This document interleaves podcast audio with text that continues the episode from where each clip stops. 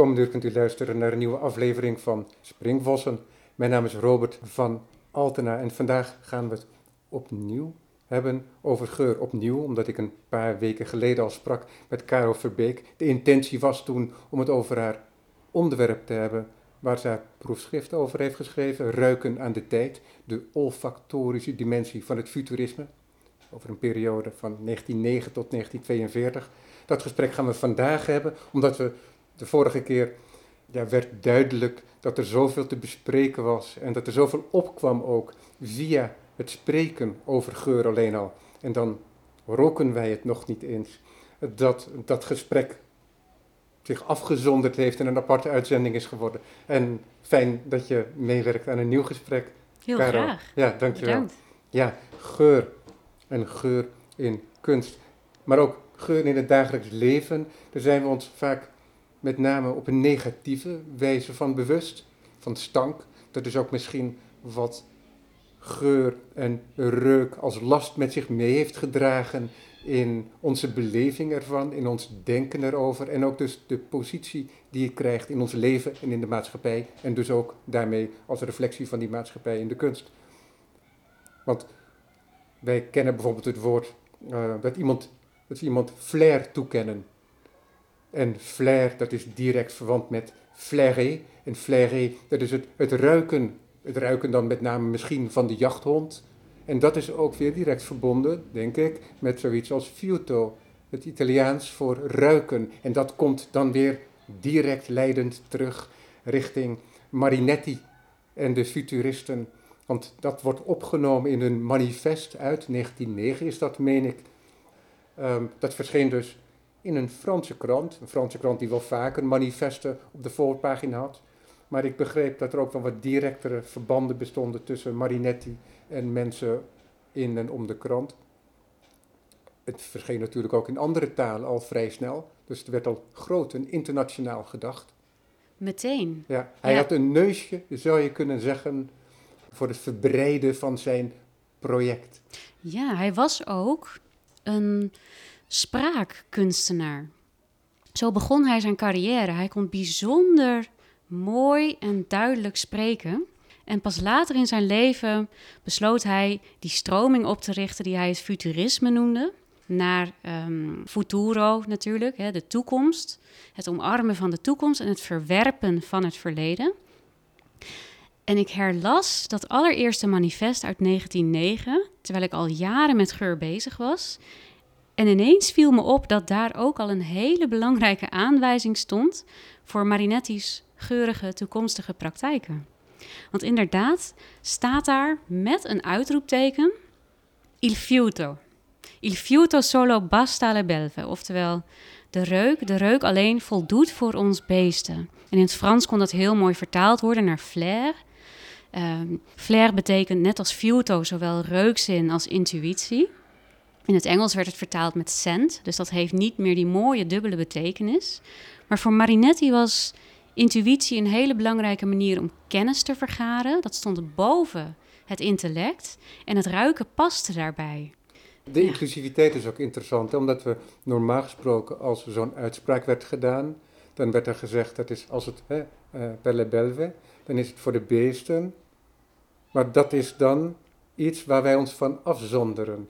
En hij zegt eigenlijk voor ons dieren of voor ons beesten, wij maken deel uit van dat dierenrijkdom. Absoluut. Hij um, verheerlijkte het dierlijke eigenlijk tegenover het heel beschaafde menselijke van de bourgeoisie. En de bourgeoisie liet zich erop voorstaan heel beschaafd te zijn omdat ze ook zo geurloos waren. Dus wat kon hij het beste doen om zich af te keren tegen en honderden jaren aan filosofie, waarin alleen uh, de blik als verheven zintuig gold en de bourgeoisie? Het over geuren hebben, geuren verspreiden en dan juist ook die geuren omarmen die de bourgeoisie het meest verwerpelijk vond. Schandalig. Ja, ja want dat idee van aanstootgevendheid, dat geldt eigenlijk ook wel voor de andere ismen die zich vaak presenteren. Want het gebeurt vaak met zoveel lawaai, zo ook nu in allerlei kranten en talen. En het gebeurt ook middels een verwerping van wat er vooraf is gegaan aan kunst, of in, in dit geval dan aan een appreciatie of depreciatie voor geur of stank. Ja, er, er, moest vooral afgezet worden tegen het verleden. Dus al die manifesten, die kenmerken zich door een aantal bullet points met dit is wat we niet willen, dit is wat we... Ja, ja we wachten maar eventjes. We zitten hier vlak bij een hoofdstraat waar dus ook af en toe belangrijke zaken gebeuren. En we hebben netjes het raam openstaan, zoals het hoort. Marinetti zou het een mooi geluid hebben gevonden, laten we het daar maar op houden.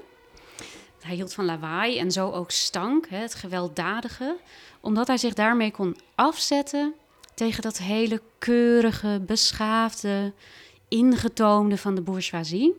dus dan maakte hij heel duidelijk: dit willen we niet. Pastelkleuren, zachte bloemengeuren. Dit willen we wel. Felle, schreeuwende kleuren, lawaai.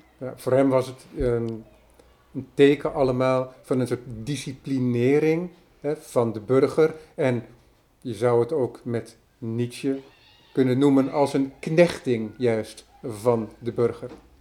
Absoluut. En het is interessant dat je Nietzsche noemt, want Nietzsche was nou juist de inspiratiebron voor Marinetti in zijn uh, jongere jaren, later niet meer. Um, omdat Nietzsche ooit heeft gesteld in Ecce Homo dat de reuk tot wijsheid leidt. Dat is eigenlijk hetzelfde als wat Marinetti zegt. Il fiuto basta. De reuk voldoet. Intuïtie voldoet. En net als Nietzsche probeerde Marinetti zich af te zetten tegen mm, al die klassieke filosofen. Um, en in Marinetti's geval ook de kunstenaars die hem voorgingen, de impressionisten, moest hij natuurlijk helemaal niets van weten. Terwijl zonder het impressionisme had het futurisme nooit kunnen worden wat het was. Impressionisten schilderden ook al geuren. Cézanne, postimpressionist, die, die probeerde al tastindrukken, geuren weer te geven op het doek. En dat doen de futuristen ook. Zo vanaf een jaar of 1912, 1913 beginnen ze met het schilderen van geuren. Het zijn heel dynamische beelden. ja, dat is via een. Zelf noemen ze dat, het, ehm, dat zij met hun heel um, sensitieve geest vibraties opvangen uit hun omgeving. Dat kunnen beelden zijn of geluiden. Maar met hun creatieve geest kunnen zij die beelden en geluiden omzetten in geuren. Dus zo kunnen zij geuren schilderen. Om, ook omdat er veel buiten werd geschilderd, een plein air. De, de futuristen die schilderden uh, niet zozeer meer buiten, niet als de nee, impressionisten. Omdat je, dan, omdat je het over impressionisten had en ja. Cézanne als late representant. Ja, ja, inderdaad. Die wilde de bries die hij voelde tijdens het schilderen, de geuren die hij rook, die wilde hij vastleggen op het doek. De futuristen deden dat op veel abstractere wijze. Dus je zou, als je naar zo'n schilderij kijkt van een geur, niet zeggen: hé, hey, dit is een geur. Wel in, de, in die zin dat het heel dynamische, heel gekleurde, heel gefragmenteerde beelden zijn. En je kan je voorstellen dat geur zich ook op die manier door een ruimte beweegt. Ja, we hebben het ook over geurflarden. Flarden van geur. En die zie je wel terug op die doeken. Dat was ja, dat is, dat is onmogelijk om te detecteren, omdat je wellicht zou kunnen zeggen dat de verschillende uh, tonen en koeltes en warmtes, maar ook de verschillende kleuren en pigmenten wellicht associaties op kunnen roepen met bepaalde geuren. En zeker in dit geval met een landschap. Dat is. Um... En zeker met een bepaald landschap. Ja. Zo in Zuid-Frankrijk en die Montagne Saint-Victoire, die tot eeuwig onderwerp werd van Cézanne. Exact. Je, je kan je daar door associaties bijna geuren bij voorstellen. De futuristen erkenden wel dat geuren hele sterke herinneringen konden oproepen, associaties met zich meebrachten, maar zij wilden dat van zich af laten glijden om daarna de geur hen te laten inspireren tot de meest abstracte, dynamische werken. Alles moest dynamisch zijn de rechte lijn werd verworpen, pastelkleuren werden verworpen. Uh, en geuren zouden het beste in staat zijn om te leiden tot zo'n heel dynamisch abstract werk. het is echt een prachtige knoop, hè, dat futurisme. Datgene wat ze omarmen en wat ze verwerpen. Want enerzijds hebben zij het over de toekomst. Ze omarmen de snelheid En daarmee ook de oorlog. En dan met name denk ik de gemechaniseerde oorlog. Ja, vooral dat het, dat eh, de een- vlucht. Ik Ja. denk dat dat wel een rol speelt daarin. Dus de destructie van alles wat verworpen moet worden. Status quo doorbreken. Dat begrijp ik allemaal nog. Maar ook de automobiel omarmen ze. Hè? En dat idee van de snelheid die die automobiel met zich meebrengt. Dat zijn exponenten, zou je kunnen zeggen, van de wetenschap. En een wetenschap die bij uitstek zeker in de 19e eeuw volledig gerationaliseerd raakt. Zelfs zo dat de disciplinering heel erg voortschrijdt. En dat zijn ook elementen die tegelijkertijd verworpen worden. Niet- want het ja. omarmen van en het, en het dierlijke en bijvoorbeeld de rechte lijn, waarmee je zou kunnen zeggen hè, dat ook de rechte lijn is ook de rationele lijn, zo je wilt. Dat is in ieder geval ook toch in de beeldende kunst en denk ik ook in ruimere culturele zin. Als je denkt aan de vroege steden of de vroege bouwwerken en in de verstedelijking, en dan denk ik echt duizenden jaren geleden, dan zijn dat vaak toch rechthoeken, vierkanten als basis. En dat is niet omdat een baksteen zich gemakkelijker in een rechte lijn legt, maar ik denk toch ook dat dat een verzet was tegen het natuurlijke. In die zin een manier om te verheffen boven dat natuurlijke. En zo kun je zien dat de rechte lijn allerlei ideeën kan beïnvloeden en opwerpen, oproepen, maar die volledig tegen elkaar in zouden kunnen gaan. En dat is eigenlijk ook wel het geval dan bij deze Marinetti. Marinetti, die hield de wetenschap heel scherp in de gaten, de contemporaine wetenschap. En dan met name een heel bijzondere figuur uit Parijs, Charles Henry. En die leidde een zintuigelijk onderzoekslab aan de Sorbonne. Hij gaf colleges aan, aan allerlei studenten en dat werd eh, heel gretig gevolgd door impressionisten, door symbolisten en ook door de futuristen.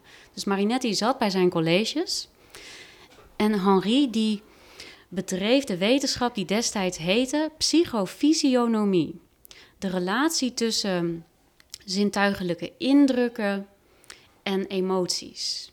Dat, dat werd echt als een wetenschap gezien. En kunst was een manier om dat te onderzoeken. Dus proefpersonen die kregen kleuren te zien, de reacties werden gemeten en dat gold dan als universeel.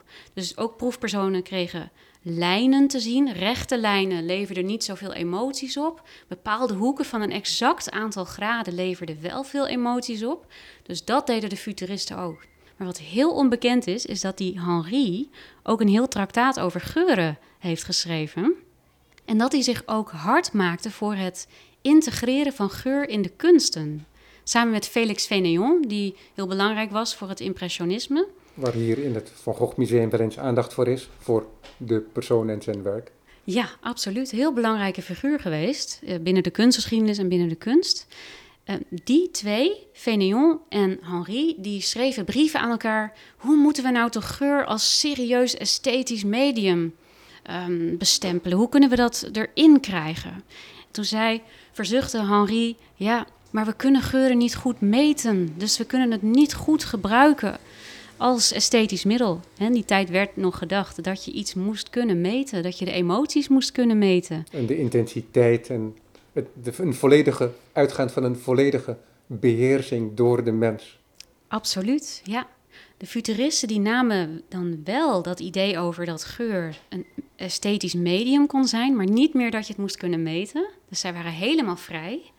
En zij integreerden zo geuren die zij futuristisch achten, modern achten, als uh, uitstekend uh, medium binnen hun kunst. En dan niet alleen het schilderen van die geuren, maar ook het verspreiden van daadwerkelijke geuren. Ja. Was die tegenstrijdigheid, Caro, in die uitspraken van Marinetti, was dat inderdaad misschien voornamelijk bedoeld om niet die wetenschappen te verwerpen, maar om zich juist van die wetenschappen te bedienen, maar zich wel voldoende artistieke vrijheid te geven om daarmee om te gaan. Ja, er, zit iets heel tegenstrijdigs in. Um, want hij neemt allerlei ideeën over Vervolgens zet hij zich ook weer af en zegt hij ook dat originaliteit het allerbelangrijkste is binnen het futurisme. Dus dan moet hij het altijd net iets veranderen. En binnen de poëzie, hij is natuurlijk geïnspireerd door Baudelaire en Le Fleur du Mal, eh, waar heel veel geuren in worden genoemd. Dus de, de bloemen des kwaads. Alleen er is hij. ook heel wat verrotting gaande. Ook daar heel wat In verrotting. die gedichten. Dat maakt natuurlijk extra lyrisch. En Marinetti neemt dat dan wel gedeeltelijk over, maar hij gooit er nog een, doet er nog eens een schepje bovenop. Want hij ehm, maakt gebruik van een nieuw stijlmiddel, parole in libertà, woorden in vrijheid. Waarbij je syntax los kan laten, interpunctie los kan laten en nieuwe woorden kan Ja, verzinnen. dat is ook de titel van een boek geworden uiteindelijk in 1932, als ik het goed begrijp. Prachtig boek, een metalen boek. Gedichten gedrukt op metaal, paro parole in libertà, eh, thermiche, tattili, olfatieve. Dus eh, geurwoorden, thermische woorden en tastbare woorden. En twee gedichten daarin, die gaan heel diep in op geur. Eén ervan, daar moeten we het even over hebben. Olfactorisch portret van een vrouw. Waarin, Mag, mag ik even ja, stoppen? Want ik wil Ja. heel graag dat je hierop voortgaat, want ik ben er zelf ook heel nieuwsgierig naar. Ik ben op dat punt beland in je proefschrift, dus ik ben nog niet verder gekomen. Dus voor mij is het ook een verrassing wat je nu gaat vertellen. Maar wat belangrijk is te vermelden, dit boek is uit 1932. In 1909 begint het hè, met dat manifest in Le Figaro. We zijn dus alweer ruim twee decennia verder. Wat is er in die tussentijd gebeurd met geur? Want daaraan zie je denk ik ook wel dat er heel veel te overwinnen viel. Dus dat wordt met moedige woorden wordt het uitgesproken, de wereld in geworpen. Maar tegelijkertijd gebeurt er af en toe wat met geur, maar niet structureel. Er zijn dus ook problemen toch om daar structureel mee om te gaan. Dus wat zij zeggen dat, dat de wereld zou moeten veroveren, dat moet hen zelf eigenlijk, zou je kunnen zeggen, ook nog veroveren. En daar komt nog die problematische factor bij. Dat is in het vorige gesprek wel ter sprake gekomen. Is dat je hebt die Eerste Wereldoorlog, die zit er ook tussen. En die eh, vernuikt ook een aantal jonge futuristenlevens. En waardoor er ook wel sprake is van de futuristen en een soort tweede futurisme van na die Eerste Wereldoorlog. En dan wil ik natuurlijk toe eh, naar Saint, eh, ehm, Saint-Point, heet zij. Ehm, die heb ik leren kennen door jouw onderzoek. Want zij, deze dame, heeft voor het eerst geur daadwerkelijk ingezet als integraal onderdeel van een performance. En dat speelt zich af in 1913. Dan wil ik, als je dat vertelt, heel graag weer terug naar het boek. Ja, dat is ook een eh, mooi bruggetje, want dat gaat ook over een vrouw en over geursluiers. En het is waar, zij was de eerste futuristische kunstenaar, of gelieerd aan het futurisme, geen kernlid, die geuren daadwerkelijk toevoegde aan haar performance. Terwijl die mannen hè, wel schreven over het belang van dat is geur. iets wat pas recentelijk eigenlijk is ontdekt. Ehm, Begrijp ja, ik uit een noot uit jouw... Ja, dat klopt. Ehm, ik wist niet van haar bestaan. Dat ontdekte een stagiair van mij, Lindsay van Rijn. Natuurlijk is eh, Valentine de Saint-Point wel een bekende kunstenaar, maar ik wist niet dat zij met geuren had gewerkt. Dus dat was heel leuk om te ontdekken. Zij verscheen op het toneel, gehuld in een dikke mist. En die mist die kwam van schalen waarop allerlei harsen en geurige houtsoorten aan het smeulen waren. Dus dan ontstaat er perfumum, middels rook, een geur, een parfum. Er werd overigens hevig over geklaagd eh, door de enige neusgetuige. De enige neusgetuigenis die we nog kennen. Een eh, recensent die zat daar en die vond het maar irritant. Het prikte in zijn ogen. En die, en die geuren waren wel heel vreemd en exotisch. Maar dat was haar doel natuurlijk, die exotische sfeer oproepen. Want toen de mist optrok, verscheen zij in allerlei gewaden, Egyptische, Merovingische ge- gewaden en begon daar heel geometrische patronen te dansen. Ontzettend vervreemdend moet dat zijn geweest. En die geur die droeg daar natuurlijk aan bij, aan die hele vervreemdende sfeer. Het is niet bekend welke geuren dat waren, maar als je heel goed kijkt naar ehm, die, de woorden die ze ervoor gebruikten, die recensent, dan was dat exotisch. Nou, in die tijd was exotisch Oriëntaals. En als je naar de wereldtentoonstellingen kijkt uit diezelfde tijd, dan, dan de koloniale tentoonstellingen, dan werden daar geuren tentoongesteld uit de koloniën. Dat moeten dat soort geuren zijn geweest. Dus wierook, ambergrijs, patchouli. Dat zijn hele zware geuren. Die liggen als een deken over je heen en die penetreren je neusgaten. En die vaak nog gebruikt worden. Ambergrijs weet ik niet, want het komt bij walvissen vandaan. Um, als basis meer voor parfum. Ja, en dat wordt in een parfumcategorie gebruikt. Die wordt nu Oriental genoemd. Het is natuurlijk problematisch om uh, hè, dat soort termen als exotisch en Oriëntaals tegenwoordig nog te gebruiken. Ja, het gaat heel erg uit van een westers standpunt. Ja, heel westers standpunt. Maar inderdaad, die worden zeker nog gebruikt um, in parfums die, die ook wel uh, fougère worden genoemd. Het zit heel vaak in mannenparfums, patchouli. Het is ook de hippiegeur hè, die we kennen uit de jaren 70. Een soort mottenbal uit de jaren 70. Dus die geuren, die, die kennen wij nu wel, die kennen ze toen niet. Dus dat was heel verbazingwekkend ja. opzienbaar. Dus dat wazende daar ja. uh, uit die schalen over het publiek heen. Terwijl ze naar die dansen, geometrisch dansende vrouw stonden te kijken. Ja, prachtig toch? Want die wolk die had zowel een visueel karakter als een olfactorisch karakter. Hij was zichtbaar en ruikbaar. Dat is er heel mooi aan, heel synesthetisch, hè? dat samengaan van de zintuigen. En dat synesthetische, dat zie je ook terug in dat gedicht waar we het net over hadden, olfactorisch portret van een vrouw. Het is dan alweer jaren later, er zit een oorlog uh, natuurlijk tussen. En de futuristen die gaan zich steeds meer bezighouden met zintuigelijkheid. En Marinetti schrijft dat boek, Parole en Libertà, Woorden en Vrijheid. En dat gedicht, olfactorisch portret van een vrouw, dat gaat over het geurspoor wat een vrouw, onzichtbare vrouw, achterlaat. En wat Marinetti als verteller volgt. Hij volgt zijn neus om die vrouw te bereiken. Heel spannend natuurlijk. Er zitten allerlei synesthetische verwijzingen in om die geuren maar te kunnen omschrijven die hij, die hij opvangt. Rode geuren, spiraalvormige geuren, boogvormige geuren.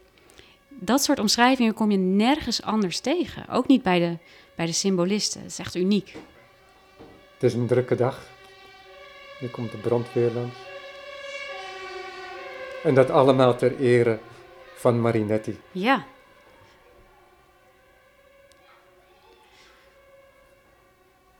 Ja, dus een enorme woordenrijkdom om ergens een geur te benaderen. En dat, je zou kunnen zeggen dat dat eigenlijk al met abstracte vormen dan gebeurt. Hè? Als je het hebt over boogvormen onder andere. Ja, um, Marinetti en de andere futuristen die zagen woorden niet als representaties van de werkelijkheid, maar als zintuigelijke entiteiten op zichzelf.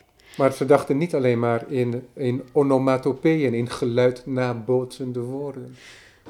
Die waren wat, het, wat, natuurlijk, wat natuurlijk ook bij Schwieters en dergelijke een prachtige vlucht heeft genomen in de 20e eeuw. En daarna ook nog bij enkele Nederlandse dichters.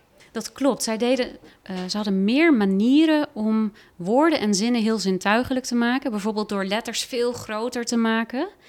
Uh, door de gelijktijdigheid van indrukken te benadrukken. Want in een gedicht, ja, eerst worden er geuren omschreven en dan misschien geluiden, maar in werkelijkheid horen we die tegelijk. Ja. En Marinetti wilde dan ook dat je die zinnen, dat je flarden van geuren, flarden van geluiden, dat je die allemaal door elkaar husselde en dat je ze zo heel staccato las, waardoor duidelijk werd, ja, maar zintuigelijke indrukken, die vinden tegelijk plaats. En dat noemde die simultanita. Wat, wat, wat ik heel boeiend hieraan vind, is dat, dat we elke keer weer een verbinding voelen, ruggelings, met de symbolisten. want als je het hier nu hebt over het gedicht en die manier op de pagina stellen, dan moet je ongetwijfeld ook denken voor de liefhebber van zijn poëzie zeker aan Stéphane Mallarmé, die aan het einde van zijn leven, dat te vroeg werd afgesloten, in 98 meen ik, 1898, die nog werkte aan een coup de dé n'abolira jamais le hasard. Dus een worp met de dobbelstenen, die toeval aanduidt. Een worp met dobbelstenen heft nooit het toeval op. En dat is een gedicht dat zich verspreidt over het wit van de pagina. En de woorden hebben verschillende groottes. Die zijn echt gecomponeerd, niet in een zinstructuur alleen, waar hij ook een meester van was om de taal opnieuw te kneden, maar ook visueel, grafisch. En dat werkt hier eigenlijk ook direct door. Dus in die zin zou je kunnen zeggen dat Marinetti, zoals elke kunstenaar eigenlijk, ehm, zijn ogen en zijn neus goed de kost heeft gegeven. En de middelen gebruikt, inzet, die hem maar kunnen helpen om dat project vooruit te helpen. En ook in de wereld te helpen, zou je kunnen zeggen, want ze moeten het overwinnen en proberen eigen te maken. En dat dan middels een boek. Ja, maar wel een gedrukt op metaal. Dat was er natuurlijk wel. Ja, dat was een tactiel element. Heel tactiel en natuurlijk thermisch, want metaal dat geleidt heel goed warmte. En metaal heeft een geur zodra je het aanraakt. Maar ik ben het helemaal met je eens. Marinetti claimt vaak originaliteit, maar moet heel vaak teruggrijpen op wat de symbolisten al gedaan hebben. Ja, maar, maar ja, dat idee van originaliteit bestaat nog steeds natuurlijk. En geen enkele kunstenaar, geen enkel mens, maar geen enkel kunstenaar uh, leeft volledig geïsoleerd. Hoe zou dat ook kunnen met geur? Behalve misschien Marcel Duchamp. um, ja, dus hij moet wel, wel inderdaad teruggrijpen op die symbolisten. Maar door die woorden in vrijheid is hij zo lenig in zijn taalgebruik. Dat zie je niet bij Mallarmé, dat zie je niet bij Apollinaire of bij Baudelaire. Mallarmé overigens heeft vlak voor zijn dood nog een geurconcert voor zichzelf gespeeld. Dat is dus niet iets wat alleen wordt omschreven in de roman Huysmans. We hebben het hier vorige keer ook even over gehad. Over Huysmans? Over Huysmans, ja. ja. Uh, maar Mallarmé die had allerlei geurflesjes naast zijn bed staan... om zichzelf nog één keer, ja, ik denk, te troosten. Te bedienen van de esthetiek en de lyrische kracht van geur. Als u, als u Mallarmé wilt zien, dan is er een, volgens mij is dat een portret van Manet. Dus dan bij het luisteren van dit gesprek kunt u dat misschien oproepen dan om deze figuur te zien met dan inderdaad zijn parfums naast zich op een tafeltje. En is het bekend wat voor geuren dat waren? Wordt dat nee, maar dat zullen waarschijnlijk dezelfde geuren zijn die Wiesmans ook beschrijft. En dan moet je denken aan allerlei harssoorten. Op um, wierook, of, oftewel olibanum en mirre. Maar ook wel styrax, benzoe. En er wordt de opoponax vaak genoemd. Heel poëtische naam. Allerlei bloemengeuren, jasmijn natuurlijk. Dat brengt in vervoering, dat is een hele sterke geur. Dat was de meest enigmatische geur, ook volgens Wiesmans. Omdat het zo'n delicate geur was, die kon je niet zomaar onttrekken aan de bloem. Het is een heel ingewikkeld proces om jasmijngeur te verkrijgen. Mooi bruggetje naar de futuristen.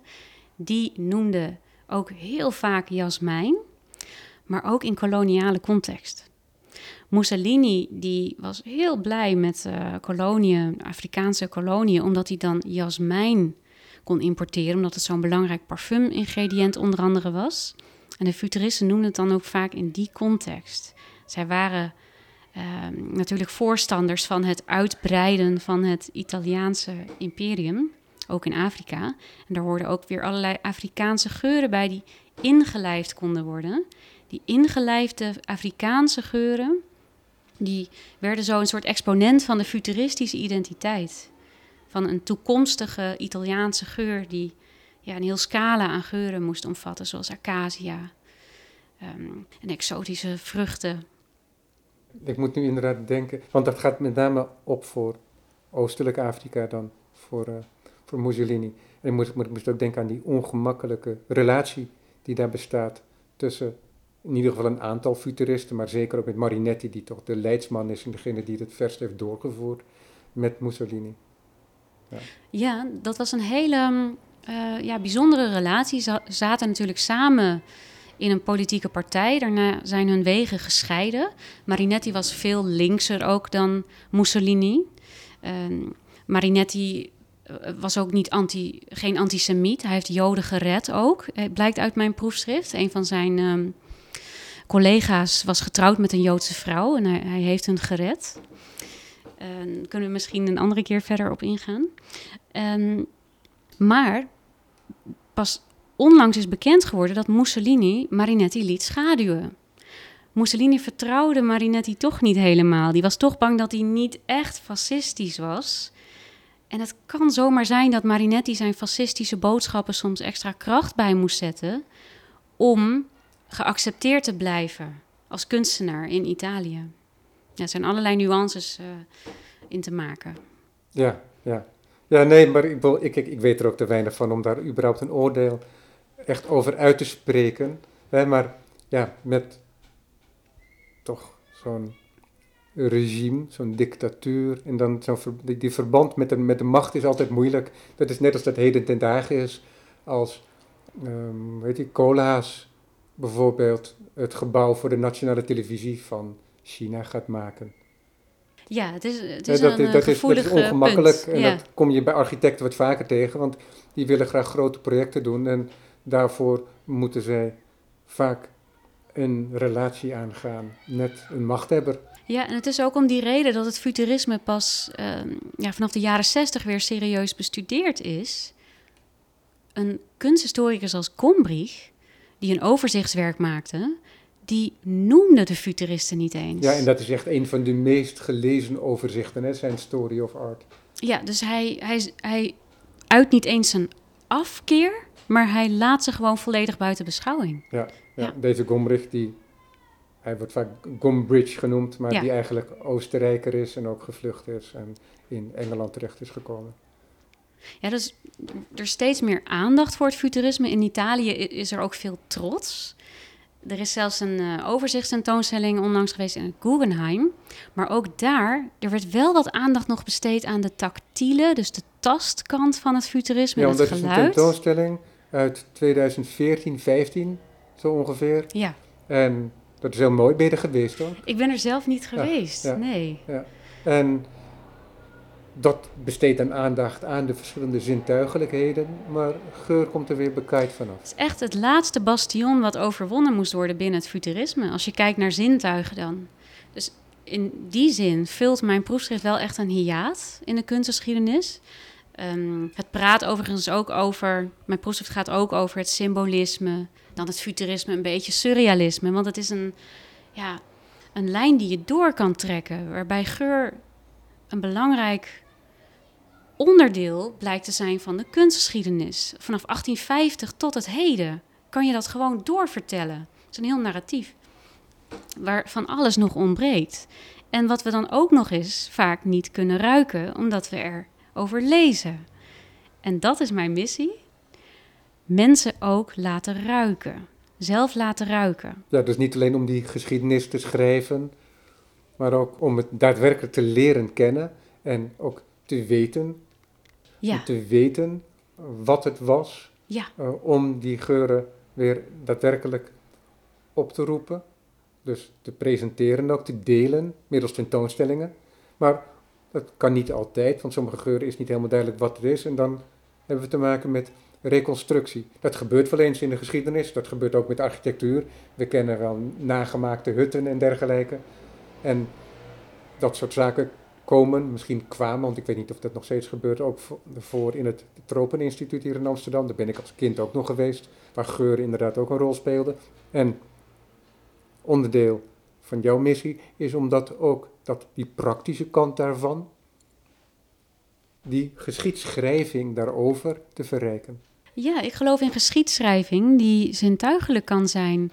Want de zintuigen kunnen ons op manieren informeren waar taal niet aan kan voldoen. Juist de reuk, juist omdat we geuren zo moeilijk kunnen omschrijven, juist omdat geur een ruimtelijk en temporeel gegeven is, moet je het ruimtelijk verspreiden. En kun je mensen ook nog eens op een veel emotionelere manier betrekken bij de geschiedenis. Dus ja, tentoonstellingen met olfactorische documentatie, zoals ik dat noem, in het Stedelijk Museum in 2017 sorry, 2018, op de VU een grote tentoonstelling met futuristische geuren en andere historische geuren. Waarbij mensen gewoon aan flessen konden ruiken met die historische, historische luchten. Hoe gaat het dan in zijn werk? Doe je dat alleen of um, werk je samen met laboratoria? Want dat zal ook wel eens moeten gebeuren, stel ik me voor. Ja, die heb je absoluut nodig. Ik, ik pleit ook echt voor een samenwerking tussen de geurstoffenindustrie, enerzijds en musea anderzijds, die hebben kennis ja, die zou echt gedeeld moeten worden. Ook voor dit proefschrift heb ik samengewerkt met de geurstoffenindustrie met IFF uit Hilversum. Heel interessant bedrijf. En zij hebben bijvoorbeeld machines, die heten gaschromatografen, waarmee je een monster kan nemen, een luchtmonster van een oude parfumfles bijvoorbeeld. En dan kun je analyseren welke moleculen daarin zaten en op die manier een parfum reconstrueren. Maar ze hebben ook planken vol met wat raw materials wordt genoemd. Dus gewoon elke denkbare geur in een flesje die je vervolgens kan combineren. Je kan natuurlijk uitgaan van geschriften. Recepten kun je vinden, uh, neusgetuigenissen zoals ik dat zo graag noem. Zelf ruiken kan ook. Ik heb in heel wat depots al geroken. Guggenheim, MoMA. En waar dan een uh, recept uit is voortgekomen. Want hè, dan ben jij als het ware getuige, zou je kunnen zeggen. Ja. onderzoeker, getuige. Ja. En dat schrijf je dan neer, dat probeer je dan ook te vangen in woorden. Soms denk ik, uh, stel ik me voor heel analytisch, maar ik denk ook dat daar waar de analytische woorden tekortschieten, dat je ook tot een poëtischer, overdrachtelijk taalgebruik een toevlucht moet zoeken om daar invulling aan te geven. Ja, misschien is dat wel geschikter om geuren te omschrijven. Dus je kan die moleculen opschrijven. Nou, dat zegt natuurlijk niet zoveel. Um, dus als je dat gereconstrueerde parfum hebt, ja, leg het vast, die, dat recept. Maar leg ook vast wat jouw eigen reactie is. Want het is zoveel moeilijker te achterhalen hoe bepaalde mensen reageren op een geur, wat ze vinden van een bepaalde geur, dan de geur. Ah, dat is interessant inderdaad. Ja, je hebt zo'n frase in het werk van Paul Valéry. En uh, dan zegt hij: Je me voyais me voir. Dat was ook zijn project om zijn eigen gedachten na te gaan en te bestuderen. Maar dat is ook wat jij nu zegt over dat hyperbewustzijn. Dat je bewust bent van wat je analyseert, maar ook dat je je bewust bent van jezelf terwijl je analyseert aan wat het bij je oproept. Ja, dat klinkt heel analytisch en een dat is het ook wel. Een, soort verdubbeling die daar plaatsvindt. Ja, en je wordt je ook bewust van het feit dat hoe je een geur waarneemt cultureel bepaald is. En door de tijd waarin je leeft, de plek waarop je leeft, nog buiten allerlei individuele voorkeuren, is het echt afhankelijk van ehm, ja, het land waarin je opgroeit, uh, misschien de religie, dat soort zaken. Dus als ik dan een futuristisch parfum ruik en ik vind het heel oudbollig of verschrikkelijk, dan benadrukt dat nog eens extra hoe cultureel bepaald het is. En dan bedenk ik me heel bewust, ah, maar dit was dus modern.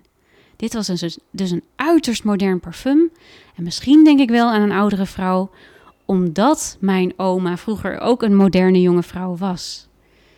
Ja, en dat vind ik heel boeiend. ja, dan is er misschien nog enige relatie. Hè?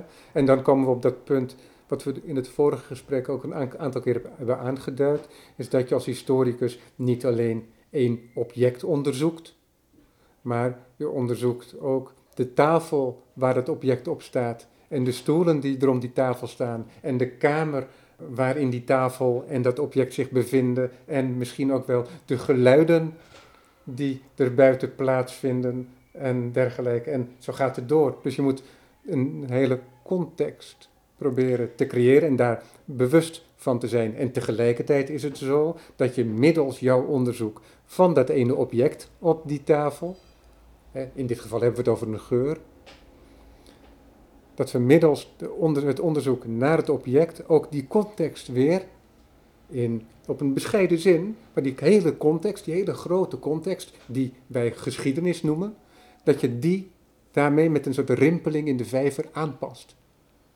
Ja, want heel vaak denken wij natuurlijk over kunstgeschiedenis als iets visueels, visuele aangelegenheid. En er zijn heel veel reconstructies, zelfs van uh, een surrealistische tentoonstelling uit uh, eh, 1938 is een reconstructie gemaakt zonder de geur die daar hing, die daar intentioneel was ingebracht. Dan kun je gewoon niet eigenlijk niet spreken van een reconstructie, maar zo zien wij dat wel. We denken, ha, het lijkt op de foto. Wat een goede reconstructie. Ja, maar eigenlijk is het een soort maquette dan. Ja, het is, het is maar een heel zwakke afspiegeling. Want die geuren die beïnvloeden al die andere zintuigelijke kwaliteiten. Natuurlijk kun je nooit meemaken hoe het was, hè, hoe het was om erbij te zijn geweest. Maar je moet, denk ik, als historicus zoveel mogelijk strings of evidence, welk zintuig het ook is, meenemen in je onderzoek. Ja, het is een accumulatie van, van elementen. Ja, net dat is het. Ja, precies. Maar ja. en dat is, als er iets voortkomt uit jouw onderzoek, is het wel dat niet alleen interdisciplinariteit belangrijk was voor de futuristen zelf, maar dat het eigenlijk voor jouw onderzoek ook van groot belang is en dat het ook wel, en dat is iets wat we ons de laatste jaren ook wel meer realiseren, want daarom, daar maak jij deel van uit, van dat bewustzijn, namelijk dat er meer zaken gecombineerd moeten worden om tot een bepaalde kennis te komen.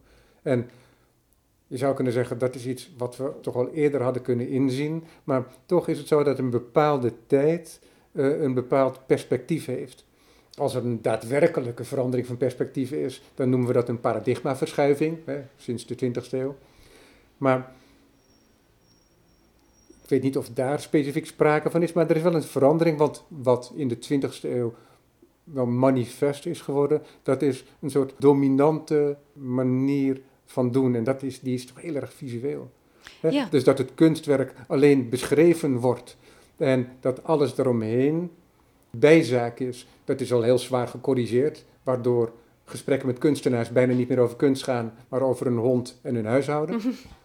dus dat gebeurt ook, maar dat is misschien een soort correctie op iets wat heel lang um, veronachtzaamd is geweest. En dat is zeker het geval met jouw onderzoeksonderwerp. Ja, en het is natuurlijk ook het is heel logisch en het is heel goed. Hè? Eerst moet er specialisatie ontstaan. Dat gebeurde in de 19e eeuw, verschillende disciplines. Um, hè, daar, daar, reageerden de futuristen juist op door interdisciplinair te gaan werken. Maar je moet wel eerst specialiseren voor je weer kan ja. verbreden. Ja, en dat is wel mooi, omdat jij net zei, zo van ja, uitgezonderd Marcel Duchamp, hè, alsof hij zich uit de context onttrekt.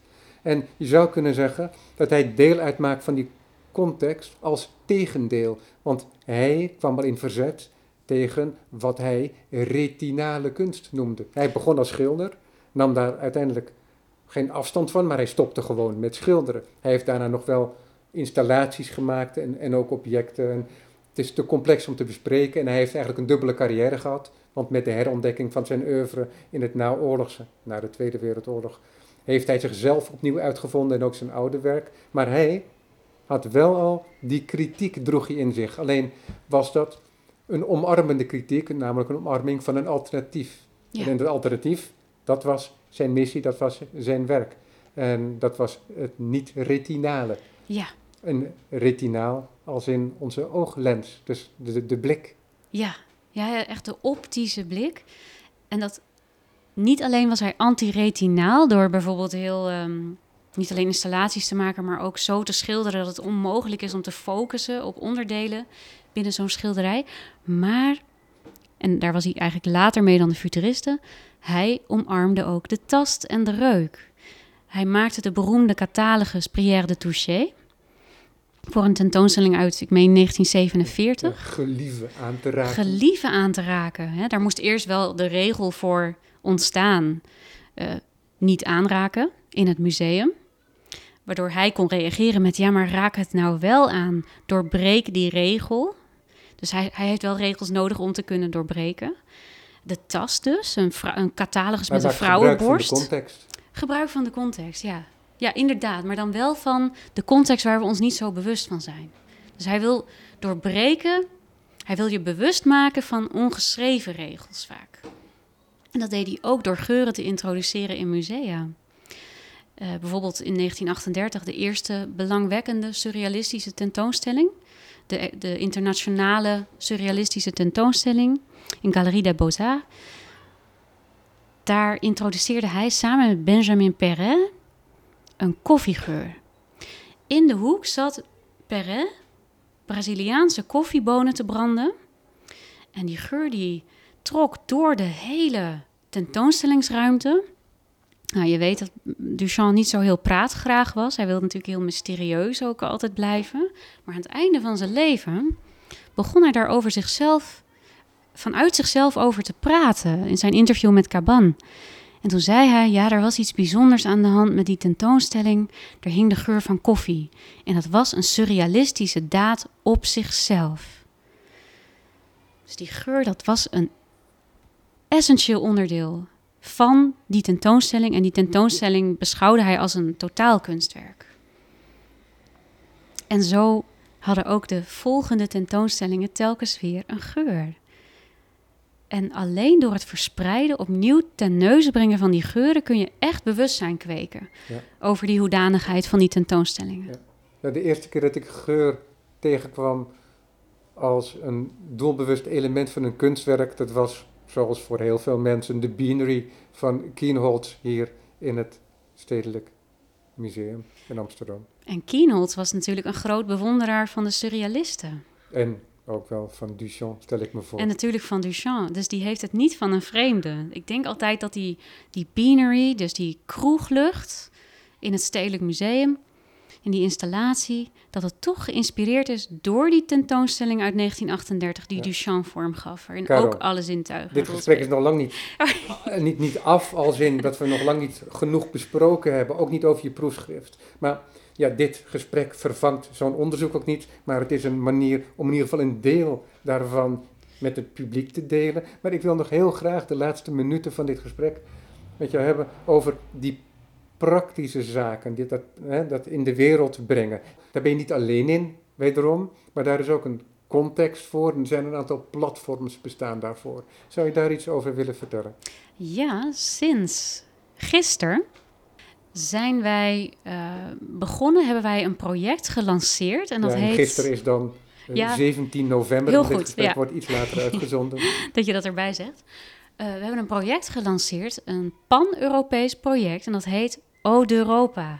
Over de geuren van het oude en het huidige Europa.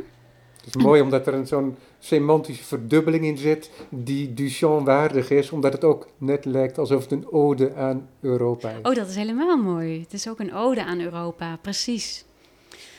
En wij gaan met een eh, groep, een heel interdisciplinaire groep, kijken hoe we die geuren kunnen achterhalen, vastleggen of reconstrueren Maar en hoe, en presenteren. hoe determineren jullie sowieso al de te onderzoeken geuren? Dat is heel lastig, maar wij gaan gebruik maken van een computerneus. Die zal gemaakt worden door ehm, onder andere Marieke van Erp. Zij is gespecialiseerd in ehm, computational linguistics. Zij gaat een computer leren om geuren en geurgerelateerde woorden, geurstoffen te ontdekken in een enorme hoeveelheid teksten. En dan kan daar bijvoorbeeld uit voorkomen dat in 1910 ehm ceder heel populair was in de Zaanstreek. Of dat eh, in de 16e eeuw in Rome wel heel veel mirre werd gebruikt. Ehm, en dat eh, mestgeur juist heel erg werd gewaardeerd eh, begin 20e eeuw. Dat, dat soort dingen kunnen daar uitkomen. Ja, en daar is dan al een bias, zou je kunnen zeggen, omdat niet alles zijn weg vond naar tekst, maar dat, daar heb, je een kunsthistoricus dan ook voor nodig om die aan het licht te brengen en eventuele correcties te kunnen aanbrengen. Daar heb je Maar- helemaal gelijk in. Maar ja. sowieso is het al zo dat er al zoveel ontdekt moet worden, dat voordat die bias eh, in werking treedt, moet er nog wel wat gebeuren. Dat is helemaal waar. Maar we, behalve naar teksten gaan we ook naar afbeeldingen kijken. Dus we gaan ook een computer leren geuren te zien, geuren te herkennen in prenten, in schilderijen, objecten. Een heel makkelijk voorbeeld, de drie koningen met goud, wierook en mirre. Je kan een computer leren om zo'n scène te herkennen. En dan weet je dat er in dat schilderij mirre is gerepresenteerd. Het zit natuurlijk in zo'n bokaal. Maar hè, er zijn wierook en mirre aanwezig. En zo zijn er nog talloze voorbeelden. Uiteraard moeten wij historici dat eerst leren aan die computer. Nou, en dan is de laatste fase om de ontdekte, de herontdekte geuren en geurpraktijken ook via de reuk te presenteren. Ja, want dat is interessant, want dit zijn eh, kwantitatieve gegevens die tot kwalitatieve gegevens omgeanalyseerd moeten worden, om het heel lelijk te zeggen. En dan inderdaad om daadwerkelijk tot voorbeelden te komen, praktische voorbeelden van de echte geuren Ja. uit de geschiedenis. Ja, om die precies. weer present te stellen. Ja, En- Mooi. Het is natuurlijk prachtig om dat in een museum te doen waar ook die beelden zijn, zodat je kan ruiken en kijken. Om juist dat, eh, die totaalindruk, die context zo volledig mogelijk te maken. En de ervaring eh, ook zo memorabel mogelijk te maken. Maar daar is nog een hoop te overwinnen. En daar, want het klinkt nu net, hè, als je zo'n platform hebt, alsof dat eventjes wat werk verzetten is en dan komen we ergens toe. Maar dat platform, dat is tegelijkertijd ook een onderzoeksproject waarbij de onderzoekers zelf, hè, degene die bijdragen en eraan werken en die gegevens voortbrengen, daarbij ook tegelijkertijd leren. Het is ook een leerproces tegelijkertijd. Dat zal het zeker zijn, want het is, ehm, het is nogal vernieuwend. Ook om dat met een computer zo te doen. Maar zo kan het ook weer een case study worden voor andere continenten. We kunnen musea ehm, in ieder geval inspireren van kijk, zo kun je geuren uit je eigen collectie vissen. Ja. Zo kun je ze presenteren. Dus ja, het zal de aanzet zijn, vermoed ik, voor een nog drastischere olfactorische revolutie. Want die is al gaande. En, en waar komt het project uit voort? Wie dragen het project? Wie hebben het gesticht? Ja, dat begon ehm, in een vroeg, nou ongeveer een jaar geleden. Mijn eh, promotor, mijn hoofdpromotor Inger Leemans, die is de drager. Ja. van het project. En Zij is verbonden aan het VU ook, geloof ik. Ja, VU en KNW. Ja. En vanuit KNW wordt het project eh, aangestuurd. Daar zit ook Marieke van Erp. Andere mensen die meewerken zijn de geweldige Cecilia Bambibre, die bijvoorbeeld de geur van historische boeken heeft gereconstrueerd. Lizzie Marks, die nu verbonden is aan het Mauritshuis en een tentoonstelling over geur maakt, die in februari opent. Onthoud dit. Ga daarheen om te ruiken. Als het dan kan natuurlijk. De scheur in de 17e eeuw. William Tullet, een ehm, historicus uit Cambridge. Lisa Tonelli, eh, die verstand heeft van semantic webs. Eh, ja, enorme, ehm, getalenteerde, bijzondere groep mensen. Ja, maar die mensen bestaan allemaal. Maar jullie ontmoeten elkaar al middels jullie onderzoek en, en dergelijke. Nou, om dit voor te bereiden, dit project, hebben wij heel wat vergaderingen fysiek nog voor de uitbraak Ja. van corona eh, gehad. Ja, ja, want het gebeurt, want ik, ik, ik benadruk dit zo, omdat Mhm. het, kijk, jij bent druk bezig geweest met je proefschrift. Daarvoor heb je gebruik van expertise van andere mensen nodig. En dan heb je even contact en dat is het. Want dat proefschrift moet af, dat onderzoek moet af. Zo heeft iedereen zijn project. En daarom is het zo dat dat samenbrengen, die synergie, dat samenbrengen van al die energie, ja, daar moet, daar moet een bepaalde vonk voor zijn. Hè? Dus het is misschien ook de juiste tijd, maar de wil moet er ook zijn om die energie een nieuwe kant op te leiden, om zo'n heel onderzoek op touw te zetten. Ja, ja. Ja. dat is niet niks. Dus het is niet vanzelfsprekend, wil ik maar Oh zeggen. nee, helemaal niet. Nee. Ehm, dit is een fonds wat ook maar ehm, ja, aan heel weinig onderzoeksgroepen wordt uitgekeerd. En, en ook niet zo vaak aan eh, geesteswetenschappers. Een deel van ons heeft nog nooit met geur gewerkt, maar we gaan juist die expertise van hen gebruiken. Dus dat is semantische web en eh, computer, eh, computers programmeren. Maar als we niet bij elkaar hadden kunnen komen fysiek, ja, dan weet ik niet of dit ook inderdaad van de grond was gekomen. En ik heb er ook wel later mijn proefschrift door ingeleverd. Moet ik erbij zeggen. Maar wellicht is die proefschrift er ook door verrijkt Dat, ja, dat zal ongetwijfeld. Ja. Ja. Ja. Ja, dat zijn altijd van die moeilijk eh, meetbare zaken. ja, Ja. En het prachtige proefschrift, dat is er nu ook. Rijken aan de tijd, de olfactorische dimensie van het futurisme. Van 1909 tot 1942. Maar daarmee hield het dus niet op, want er waren nog invloeden daarna. Hè, we- hebben het over Duchamp, we noemen de keynotes al. En zo zullen er nog wel verschillende kunstenaars zijn. Wim wie dat zal zijn. En ja. misschien ook met de aandacht die er nu is voor het onderwerp via jullie onderzoek, onderzoeksproject ook, Orde Europa, ehm, zal zich dat nog meer gaan verbreiden. ik ga ervan uit. Ja, dankjewel, Karen Verbeek. Graag gedaan.